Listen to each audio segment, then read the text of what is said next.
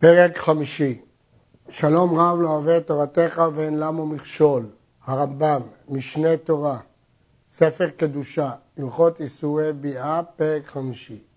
בפרק זה הרמב"ם מדבר על איסור נידה, ותוך כדי כך הוא מתאר את גוף האישה בהלכות הנוגעות לאיסורי נידה. נוסיף כאן את ההקדמה שכבר אמרנו.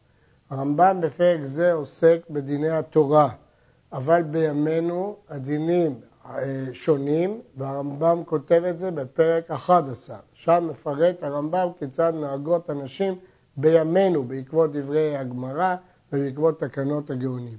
פה הרמב"ם עוסק בדינים המקוריים. האישה מטמאה באונס, בין לדידה בין לזיוות. כיצד? כגון שקפצה ממקום למקום, או רעת בהמה או חיה עוף מתעסקים זה עם זה וחימדה וראתה דם. וכן כל כיוצא בזה. הואיל ורעת דם מכל מקום, נטמאת. ישנה אה, הלכה שבשבעת דרכים בודקים את הזב. האם הזיווה באה מחמת חולי של זיווה או מחמת אונס או אירוע שהוא עשה. כל זה בזב, אבל באישה אין בודקים אותה. בין אם הנידה באה כתוצאה מווסת, בין אם הוא בא כתוצאה מפעולה שלה, מקפיצה, מחמדה שלה, בכל מקום, הואיל וראתה דם, היא נטמאת או טומאת נידה או טומאת זיווה, כפי שנלמד בהמשך. הוא מטמא בכל שהוא. אפילו ראה טיפת דם כחרדל, הרי זו כמי שזב ממנה דמים הרבה. מפורש במשנה שאפילו בטיפת דם חרדל, דהיינו טיפה קטנה מאוד, שאין בה שיעור, היא מטמאה. כל הנשים מטמאות בבית החיצון, ואף על פי שלא יצא אדם לחוץ, אלא נעקר מן הרחם ולא שתת, הואיל ויצא מבין השיניים, הרי זאת טמאה, ואף על פי שעדיין אדם בבשרה, שנאמר דם יהיה זובה בבשרה. ועד היכן הוא בין השיניים? עד מקום שיגיע אליו העבר בשעת גמר ביאה, ובין השיניים עצמו כלפנים. הטומאה של הנידה איננה תלויה בכך שהדם יצא לחוץ, כמו בבעל קרי, שרק כשהקרי יצא לחוץ הוא נטמא. אבל באישה לא כך, גם בבית החיצון היא נטמאת. מה זה הבית החיצון? הוא המקום שהוא מחוץ לצוואר הרחם, מקום שהעבר פועל בשעת התשמיש. אם יצא אדם אל המקום שמגיע ראש העבר, הרי זאת טמאה, אף על פי שלא נפלט הדם ולא יצא לחוצוניות הגוף. והוא אומרם בגבול בית החיצון, מקום שהשמש דש. כל זה דברי הרמב"ם בפירוש המשנה. ושם כבר האישה טמאה. משל משלו חכמים באישה. הרחם שבו נוצר הוולד, והוא הנקרא מקור, והוא שדם נידה וזבה יוצא ממנו, וקוראים אותו חדר לפי שהוא לפני ולפנים. וצוואר הרחם כולו הוא המקום הארוך שמתקבץ ראשו בשעת העיבור כדי שלא ייפול הוולד ונפתח הרבה בשעת לידה, קוראים אותו פרוזדוד, כלומר שהוא בית שער לרחם. כן, הרמב"ם מבדיל בין חדר לפרוזדור לפי דברי המשנה. חדר הוא המקום הפנימי, שהוא נקרא דם המקור, וצוואר הרחם הוא המקום הארוך שקוראים אותו פרוזדוד, והוא צוואר הרחם. בימינו, לפי האחרונים שבקיאים בחוכמת הרפואה בימינו, דנו מה נקרא היום צוואר הרחם. כותב על זה ספר מנחת שלמה, ודע, מה שקרא הרמב"ם לצוואר הרחם פרוזדור, אינו אלא בלשון מושאל, כלומר, כוונתו שצוואר הרחם הוא כאין פרוזדור לרחם, והפרוזדור הוא ממקום השיניים ולמטה. הנפקמינה לדברים הללו, כאשר אישה עושה בדיקת רופא או טיפול רפואי באותו מקום, והרופא רואה טיפת דם במקום פנימי, מהו המקום שמטמא. ובשעת גמר ביאה, ממשיך הרמב"ם, העבר נכנס בפרוזדות ואינו מגיע עד ראשו שבפנים, אלא רחוק ממנו מעט לפי האצבעות. ולמעלה מן החדר ומן הפרוזדור, בין חדר לפרוזדור, הוא מקום שיש בו שתי ביצים של אישה והשבילין שבהם מבשלת שכבת זרע שלה, מקום זה הוא הנקרא עלייה, וכמו נקב פתוח מן העלייה לגג הפרוזדות, ונקב זה קוראים אותו לול. והעבר נכנס לפנים מן הלול בשעת אה, גמר ביאה. עכשיו מתאר הרמב"ם את דיני הטומאה של הנידה. דם הבא מן החדר, כפי שביארנו, המקור, כולו טמא. חוץ מדם תואר, כלומר בדם שיולדת או בתולה, לפני תקנת הגאונים, בימי התורה, שהתורה תיארתו, כבר הזכרנו שהרמב"ם בפרק י"א אומר שהיום נוהגים כתקנת הגאונים שכל דם הוא טמא ולא מקלים בדם תואר, ודם קושי, כמו שהתבהר, אישה שיולדת בקושי, אנחנו נלמד בהמשך מה דינו של הדם הזה. ודם העלייה כולו טהור, שהוא כמו דם מכה שבמעיים, או בכבד, או בכליה וכיוצא בהם. אם מגיע הדם ממקור אחר, כלומר שהוא לא מגיע מן הרחם, אלא מן העלייה, כפי שתיארנו בהלכה הקודמת, זה לא דם אה, נידה, זה לא דם שבא מהמקור, זה לא דם שבא מהרחם. ודם הנמצא בפרוזדות, אם זה נמצא בצוואר הרחם, ואנחנו לא יודעים מניין הוא הגיע, אם נמצא מן הלול ולפנים, כפי שביארנו קודם, הרי זה טמא, שחזקתו מן החדר, וחייבים עליו על ביאת מקדש, אם הדם הזה אה, הוא טומאה, והוא מטמא כמו אב הטומאה, ומי שייכנס למקדש אחר כך הוא חייב. ושורפים עליו תרומה וקודשים. אם הדם הזה נגע בתרומה או בקודשים, נטמעו ושורפים אותה. ואין אומרים שמא מן העלייה ירד דרך נקב, והרי דם העלייה הוא טהור כי הוא לא מן המקור. שרוב הדמים הנמצאים כאן מן החדר. למרות שיכול להגיע דם גם ממקום אחר לצוואר הרחם, ולא רק מהרחם, בכל אופן, כיוון שהרוב הוא בא מהרחם, אנחנו מטמאים. נמצא הדם בפרוזדות חוץ לנקב, דהיינו במקור שחזקתו מן העלייה, כאן אין רוב. הרי טומאתו בספק, שמא מן החדר באו מן העלייה שתה דרך הלול. לפיכך אין שורפים עליו תרומה וקודשים ואין חייבים עליו על ביאת מקדש. כיוון שהוא לא בא מן המקור, אלא הוא בא ממקום אחר. כל זה בזמן שהמקדש קיים, נהגו בטהרות, אז הנפקמינה מאיפה האדם הגיע וכשאנשים היו בקיאות. אבל בימינו, כתב הרמב"ן ז"ל, בזמן הזה שאין בקיאות בדבר, לא יודעים אדם שנמצא על העד, דהיינו על חתיכת הפשתן שהיא בדקה בו מנין הגיע, כל שאישה מוציאה דם בעד שלה טמאה, כי אנחנו לא יודעים להבדיל בין החדר, הפרוזדור והעלייה. ו.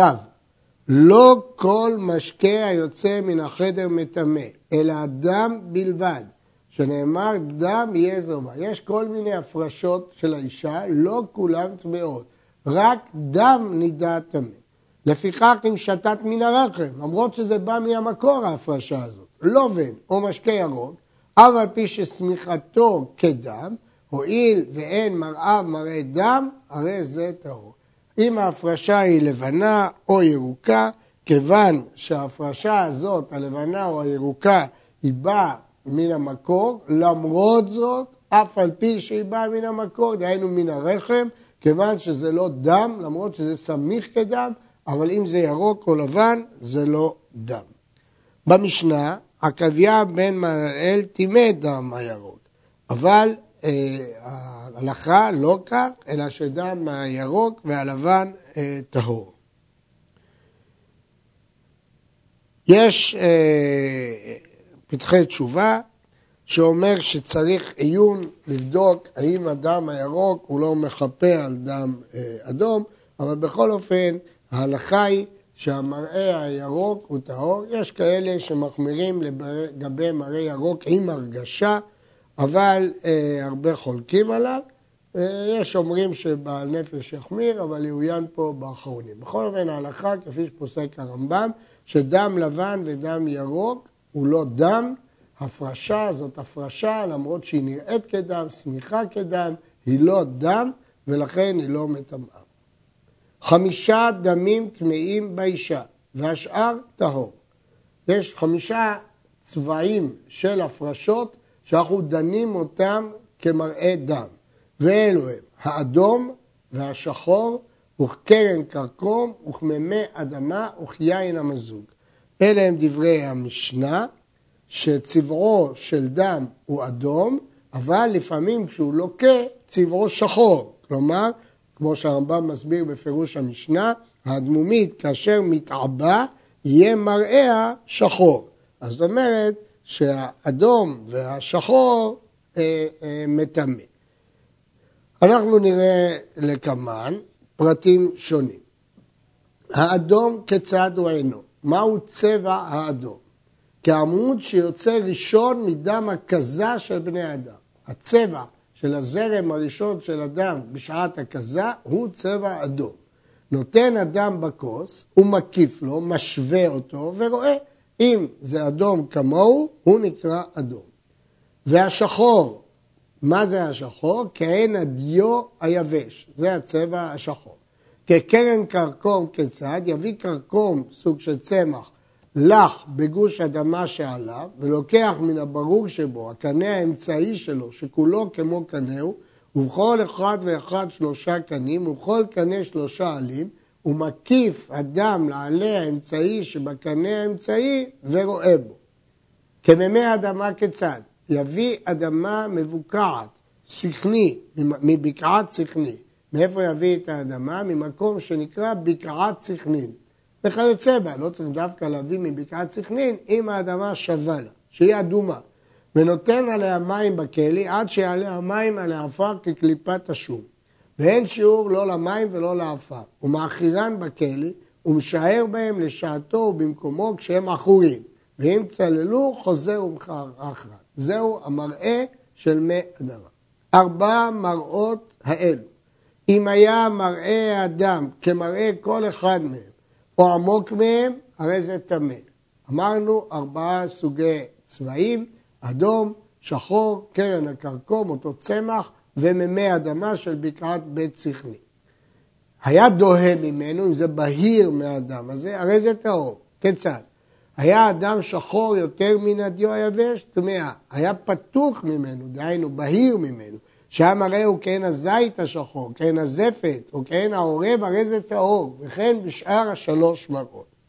עלינו להדגיש, מה שהרמב"ם טיהר בין הסוגים הללו, דווקא בימי התלמוד שהיו בקיאים להבחין במראות הללו. אבל אנחנו נלמד באחרונים דברי, אה, מצטטים את דברי הראשונים, הרשב"א אומר עכשיו נטמעתה הבקיאות וכל מראה אדום או שחור טמאה. וכך כותב הראב"ד, כל מראה אדמומית בזמן הזה טמא, ורק ירוק או לבן טהור. והאמת שהרמב"ם עצמו כותב את זה לקמן בפרק י"א. בפרק י"א כאשר הרמב"ם מדבר על ימינו, ובכן הוא מבחין בין מה שנהוג בימינו, שכל טיפת דם מחמירים בה, כיוון שלא היו בקיאים אה, בימינו בהבחנה הזו. הרמב"ם פה מדבר על עיקר הדין. מעיקר הדין דווקא המראות האלה טמאים, אבל בהירים מאלה לא טמאים. כיין המזוג כיצד, חלק אחד יין מן היין השרוני של ארץ ישראל, חי וחדש, ושני חלקים מים. היה מראה אדם עמוק ממנו, או דעה ממנו, הרי זה תיאור עד שיהיה כמזוג זה בלבד. בארבע המראות הקודמות אמרנו שאם זה עמוק ממנו, טמא, ואם זה בהיר ממנו, טהור. אבל ביין המזוג, לא, דווקא כיין המזוג. אם כשהיו בקיאים לדעת את המראות הללו. ונאמנת אישה לומר כמראה זה ראיתי ואיבדתי, והחכם מתאם לה או מטמא, על סמך דבריה. כצאן מקיף ורואה, איך הוא משווה? לוקח המטלית שיש באדם בידו, ומביט בו ובדיו, כדי להשוות את הצבע של הדם לדיו, או בעלה של כרכום, או בדם הכזה שבכוס, או במימי אדמה, או במזוג שבכוס, ועורך לפי מה שעיניו רואות, ומטמא או מטהר. ואינו מביט בזכוכית של כוס מבחוץ, אלא משקה של הכוס, בתוך הכוס. ויהיה הכוס רוחב משקלו מנה, ומחזיק שני לוגים, כדי שתיכנס בו האורה ולא יהיה אפל. כוס רחב, כדי שהאור ייכנס לתוכו. אין בודקים אדם אלא על גבי מטלית לבנה ובחמה, ועושה צל בידו על הדם, והוא עומד בחמה כדי שיראה עינו את הצבע כמות שהוא, ולא כל הרואה צריך לכל אלו הדברים בכל עת שיראה, אלא טביעות עין יש לחכם בדמים, ובעת שיראה מיד יטמא או יטהר. לא כל חכם צריך לעשות את כל התהליך הזה, אם הוא בקיא, יטמא. ואם מסתפק לו במראה מן המראות, אם הוא לא יודע, צריך להקיף ולערוך לדיו או לדם או לשאר מראות, להשוות את זה לדיו או לדם או לשאר מראות. כותב הרעב"ד, כל מה שכתב בזה אין הלכה למעשה, שאין לנו עכשיו דם תואר, אלא כל מראה הדמומית טמא. כפי שאמרנו ברשב"א, ברעב"ד, במגיד משנה, הרמב"ם כותב פה את הדינים המקוריים, אבל היום למעשה שנטמעתה בקיאות, אז דם שהוא אדום או שחור, נוטה להדמימות, אנחנו לא יודעים להבחין אם זה עמוק או דהה, ואנחנו מטמאים חוץ מלבן וירוק שראינו קודם, בפירוש שהם טהורים. לגבי צבעים אחרים שביניהם, יאוין בפוסקי ההלכה ובאחרונים פה. י"ג המפלת חתיכה, אף על פי שהיא אדומה, אם יש עימה דם, טמאה, ואם לאו, טהורה. ואפילו נקראה חתיכה ונמצאת מלאת דם, הרי זו טהורה, שאין זה דם נידה, אלא דם חתיכה. המפלת חתיכה, אף על פי שהיא אדומה, רק אם יש איתה דם. עצם החתיכה היא לא מטמאה משום נידה. אפילו שהיא מלאה דם, אבל זה דם של החתיכה ולא דם של הנידה. זאת דעת הרמב"ם. הרעב"ד חולק ואומר שההלכה היא שאי אפשר לפתיחת הרחם, הקבר, בלא דם. ולכן אם נפלה חתיכה נפתח הרחם וברור שיצא דם והיא טמאה. אבל המגיד משנה סובר שהרמב"ם פסק שאפשר לפתיחת הרחם בלא דם ולכן הוא פוסק שאם אין דם האישה טהורה כי החתיכה עצמה לא מטמאה. כותב הנודע ביהודה בתשובה שאין זה משנה אם נפתח הרחם מבפנים פתיחה טבעית או מבחוץ בבדיקת רופא, בכל מקרה אם נפתח הקבר ברוחב שתי אצבעות טמאה, החזון איש דן בפתיחת הקבר על ידי רופא ומסביר מתי יש להקל בזה. הלכה למעשה בכל בדיקה פנימית של רופא יש לשאול מורה הוראה כיוון שהפוסקים האחרונים הבחינו בין סוגי הבדיקות לבין סוגי המכשירים, והרוצה להרחיב את הדעת בעניין זה, יעיין בספר נשמת אברהם, יורה דעה, סימן קפ"ח. אמרנו שהרמב"ם דיבר שכשבודקים את הדם, בודקים דווקא בצורה מסוימת, לאור השמש. האחרונים דנים מה הדין בבדיקה לאור החשמל, נורת להט או נורת פלורסנט, האם זה משנה את הצבע של הכתמים או לא, יאוין בפוסקים ובמורי הוראה של ימינו. הלכה י"ד הפילה חתיכה קרועה ודם אגור בתוכה טמאה. לכן הרמב"ם פוסק שאם היא הפילה חתיכה ויש קרועה ויש דם אגור בתוכה, היא טמאה. מדוע? כיוון שהיא קרועה, אז הדם יצא, אנחנו מניחים שהוא יצא מן הרחם והוא לא אה, דם מכה. המגיד משנה כתוב שבגמרא שלנו כתוב קורעה את החתיכה. משמע שבזמן שירדה לא הייתה קרועה, כי אם היא הייתה קרועה, הייתה טמאה. כלומר הרמב"ם מבחין בין מקרה שהפילה חתיכה שלמה והוא קורע אותה ויוצא ממנה דם, שאז זה לא דם מהמקור, זה דם מהחתיכה, לבין אם היא יצאה קרועה, שאז יצא עם הדם, הדם יצא מהרחם ולכן היא טמאה. הפילה כמין קליפה, כמין שערה, כמין עפר, כמין יבחושין. אם היה מראה דברים אלו אדום, תטיל למים פושרים. אם נימוכו, הרי זו טמאה, שדמו וקפא, הוא רק התייבש, ולכן כל הרואה דם יבש טמאה. ואם שהו בפושרים מעת לעת ואחר כך נימוכו, הרי זה ספק טומאה, כי עובדה שהם לא נימוכו מיד. ואם לא נימוכו מעת לעת, אם אפילו אחרי מעת לעת, אם לא נימוכו, הרי אלו ממכה או טהוראי. ההוכחה היא שזה לא דם שקרש, אלא זה ממכה, כי אם זה דם שקרש, הוא היה צריך למוס במים. ואם הוא לא נמס במים, אנחנו מניחים שזה לא דם שקרש, אלא שערה או קליפה, ולכן הם לא טמאים. אבל אם זה נמוס, נמס במים, אנחנו מניחים שזה היה דם שקרש ודם יבש של האישה מטמא. בבדיקה כמובן אפשר לזהות אם זה דם מכה או אה, דם נידה. בעניין אה, הבדיקה של שריית החתיכה, הובא בגמרא שהרופאים לימדו את החכמים, ומזה אה, רצה להוכיח בעל ספר פרי אדמה שאפשר לשתף את הרופאים בנאמנות לקבוע מציאות יאוין שם. הפילה כמין חגבים, כמין שקצים ורמסים. אם יש עמהם דם, טמאה, ואם לאו, טהורה, כי הם בעצמם זה לא דם. האישה, כל זה שהרמב"ם לשיטתו, שאפשר לפתיחת הקבר בלא דם. האישה שהכניסה שפופרת בפרוזדות וראת דם בתוך השפופרת, טהורה, שנאמר דם יהיה זובה בבשרה. עד שתראה בבשרה כדרך שאנשים רואות, ואין דרך האישה לראות בשפופרת. כלומר, לפי טעם הרמב"ם, רק כאשר הרגישה שדם זב בבשרה, היא טמאה נידה. רש"י בגמרא פירש באופן אחר, שהסיבה שהיא לא מטמאה מפני שיש חציצה של השפופרת בין בשרה לבין אדם.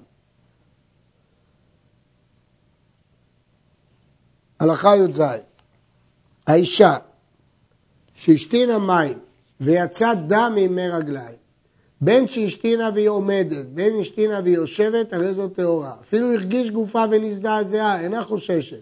שהרגשת מרגליים היא זו, שאין מרגליים מן החדר, ודם זה דם מכה או בחלחולת או בכליה. כיוון שהדם הזה יצא בשעת הוצאת מרגליים, אנחנו מניחים שיש לה מכה במקומות הללו שהרמב"ם מונה, בכליה או בחלחולת, ומשם יצא הדם, ולא מהרחם. בנושא הזה נאמרו במשנה שלוש שיטות בתנאים, ונחלקו הראשונים בפסיקת הלכה. השולחן ערוך פסק כלשון הרמב"ם, אבל הרמ"א כתב, ויש אומרים שאין להתירה אלא ביושבת ואשתינה, אבל בעומדת אם נמצא דם על שפת הספל, טמאה. וסיים שם הרמה, וכל זה אם נמצא דם במקרה. אבל אישה שרגילה תמיד לראות דם במי רגליים ומרגשת כאב, נראה דיש להתיר, דאי כידיים מוכיחות שזה מחמת מכה. יאוין בנושא זה באריכות בספר שבט הלוי, סימן קצ"א, ובספר נשמת אברהם על השולחן ערוך. בכל אופן, מורי הוראה מורים היום, שנייר שאחרי קינוח ועשיית צרכים והטלת מרגליים, אין לאישה לבדוק אותו ולהסתכל בו, כיוון שזה גורם קלקול שלא לצורך. הלכה י"ח דם בתולים טהור ואינו לא דם נידה ולא דם זיווה, שאינו מן המקור, אלא כמו דם חבורה. דם בתולים הוא נובע מדם של מכה, ולא מהרחם, לא מהמקור, ולכן הוא לא מטמא טומאת נידה מן התורה. וכיצד דין הבתולה בדמים? הרמב"ם יפרט עכשיו פה באריכות את הדינים של דם בתולים. אני מזכיר שוב שכל מה שכותב הרמב"ם בעניין דם בתולים זה הדין המקורי מהתורה. אבל הרמב"ם בפרק י"א כתב שמה שאמרנו שדם בתולים הוא דם אה, טהור, לא נוהג בזמן הזה. אני קורא את דבריו בפרק י"א הלכה ח' וכן דין דם בתולים בזמן הזה, שאפילו הייתה קטנה שלא הגיע זמנה לראות, ולא ראתה דם מימיה, בועל בעילת מצווה ופורש, וכל זמן שתראה דם מחמת המכה הרי היא טמאה, ואחר שיפסוק הדם סופרת שבעה ינקים. אם כן בימינו אנחנו מתייחסים לדם גם לבתולה כדם שאוסר, אבל הדין, כפי שכותב הרמב"ם פרק י"א, אבל כאן הוא כותב את הדין המקורי. הדין המקורי הוא שדם בתולים הוא טהור. וכיצד דין הבתולה בדמים? אם נישאת קטנה, בן לא ראתה דם מימיה, בן שראה דם בבית אביה, הרי זו מותרת לבעלה עד שתחיה המכה, עד שתבריא המכה של הבתולים. שכל דם שתראה, מחמת המכה היא, עד שלא הבריא הפצע הזה, אנחנו תולים שהדם הוא מחמת המכה, זה לא דם מהרחם, זה לא דם מהווסת, אלא ממכת הבתולים. ואם ראה דם אחר שתחיה המכה, הרי זה נידה. אבל אם היא ראתה את הדם אחרי שהמכה כבר הבריאה, אז זה דם נידה. נישאת כשהיא נערה. אם לא ראה דם מימיה, הרי זו מותרת לבעלה ארבעה ימים ביום ובלילה, אף על פי שאדם שוטט והוא שלא חיית המכה. זה היה הדין המקורי כאשר דנו את דם בתולים כטהור. בזמן הזה לא דנים כך, אלא דם בתולים נחשב כטמא. ואם ראה דם בבית אביה, ואחר כך נישאת, אין לו לבוא עליה אלא בעילה ראשונה, הוא פורש, ויהיה דם בתולים. זה כאילו הוא תחילת נידה. ובוגרת שלא ראה דם מימיה, נותנים לה כל אה, לילה ראשון. יש פה דיון בפוסקים שהרמב"ם לכאורה מביא את דעת בית שמאי, יאוין פה בראשונים, ברב"ד הוא מגיד משנה, אבל למעשה הדין הזה לא נוגע, כי למעשה אנחנו מתייחסים היום לדם בתולים כדם נידה לכל דבר. ארבע לילות שנותנים לנערה, אנחנו חוזרים לדין המקורי, שלא ראה דם, אף על פי שאין בסירוגין, בוהה לילה ראשון, הוא ממתין אפילו שני חודשים או שלושה, הוא לילה שני, לא חייב להיות רצוף, והוא שלא חיית המכה, שלא הבריאה המכה של הבתולים. בהמשך נראה איך יודעים אם היא הבריאה או לא. וכן קטנה שנותנים לה עד שתקריא המכה אפילו לא חיית שנה, הרי זה בועל כל השנה בין בסירוגין בין יום אחר יום. קטנה שנישאת ונעשית נערה תחת בעלה ועדיין אדם שוטט מחמת המכה, כל בעילות שבעל כשהיא קטנה נחשבות לו בלילה, כלילה אחד ומשלימים לו ארבעה ימים בימי נערות ואפילו היו השלושה ימים שנותנים לה בימי נערות בסירוגין ובעל בכל שני חודשים לילה אחת הרי זה מותר והוא שלא תחיה המכה. כיצד יודעים אם חיית המכה או לא חיית? הייתה רואה הדם בעת שתעמוד ובעת שתשב לא תראה, ובעת שתשב על הקרקע תראה, ואם תשב על קרים וקסתות לא תראה, עדיין לא חיית המכה. כי במצבים מסוימים, בתנוחה מסוימת של הגוף, עדיין יורד דם. פסק הדם ולא רעת כלל, בין עומדת, בין יושבת, על הכל, כבר חיית המכה. כי לא משנה איפה היא יושבת, איפה היא עומדת, בכל תנוחה פסק הדם, אנחנו מניחים שהפצע של הבתולים החלים. וכן אם לא פסק כלל, אלא תראה הדם אפילו כשיושבת על כרים וקסתות, אין זה דם מכה, אלא דם נידה. כי אם זה היה דם מחמת הפצע, כשיושבת על כרים וקסתות, לא היה צריך לצאת. הייתה רואה בעת תשמיש, הרי זה מחמת המכה. שימשה מיתתה ולא ראה את הדם, ואחר כך היה דם שלא מחמת תשמיש, הרי זה דם נידה. הבועל בתולה ולא יצא ממנה דם, וחזר ובעלה ויצא דם, אפילו הייתה קטנה, הרי זה דם נידה. שאילו היה דם בתולים, היה בא בתחילה. אם אתה טוען שהדם הוא מהפצע, מדוע הוא לא יצא? הבועל פחותה מבת שלוש שנים ויצא דם, הרי זה דם בתולים. על כל ההלכות האלה כותב הראב"ד. אמר אברהם, כל זה אינו למעשה, ולעולם, להלכה, אינו בועל אלא בעילת מצווה ופורש. כיוון שההלכה, אנחנו היום מחמירים בדם בתולים, כאילו דם נידה לכל דבר. כותב המגיד, לא היה צריך הרמב"ם לכתוב דבר זה, שהרמב"ם בעצמו כתב את זה בפרק י"א הלכה ח', שבימינו אנחנו מתייחסים לדם בתולים כאילו דם נידה. אבל כותב רבי עקיבא עגל, שלמרות דברי הראב"ד והמגיד משנה, עדיין יש נפקא מינה, גם בזמן הזה. והוא מביא דוגמה, שהיום בועל בעילת מצווה הוא פורש, אבל מותר לגמור את ביאתו. הוא לא צריך לנעוד ציפורניו בקרקע. אדם רגיל שבא על אישה ופתאום באמצע הביאה רואה דם, למדנו שאסור לו לצאת עם עבר חי או לגמור את ביאתו.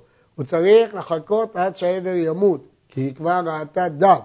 אבל בבעילה ראשונה, שזה דם בתולים, למרות שאנחנו מתייחסים אליו כאל דם מידה ופורש, בכל אופן לא הצרכנו אותו לנעוד ציפורניו בקרקע, אלא התרנו לו לגמור את ביאתו ולפרוש, ולכן מכאן אנחנו רואים שגם בזמן הזה עדיין יש התחשבות בעובדה שזה דם בתולים. עד כאן.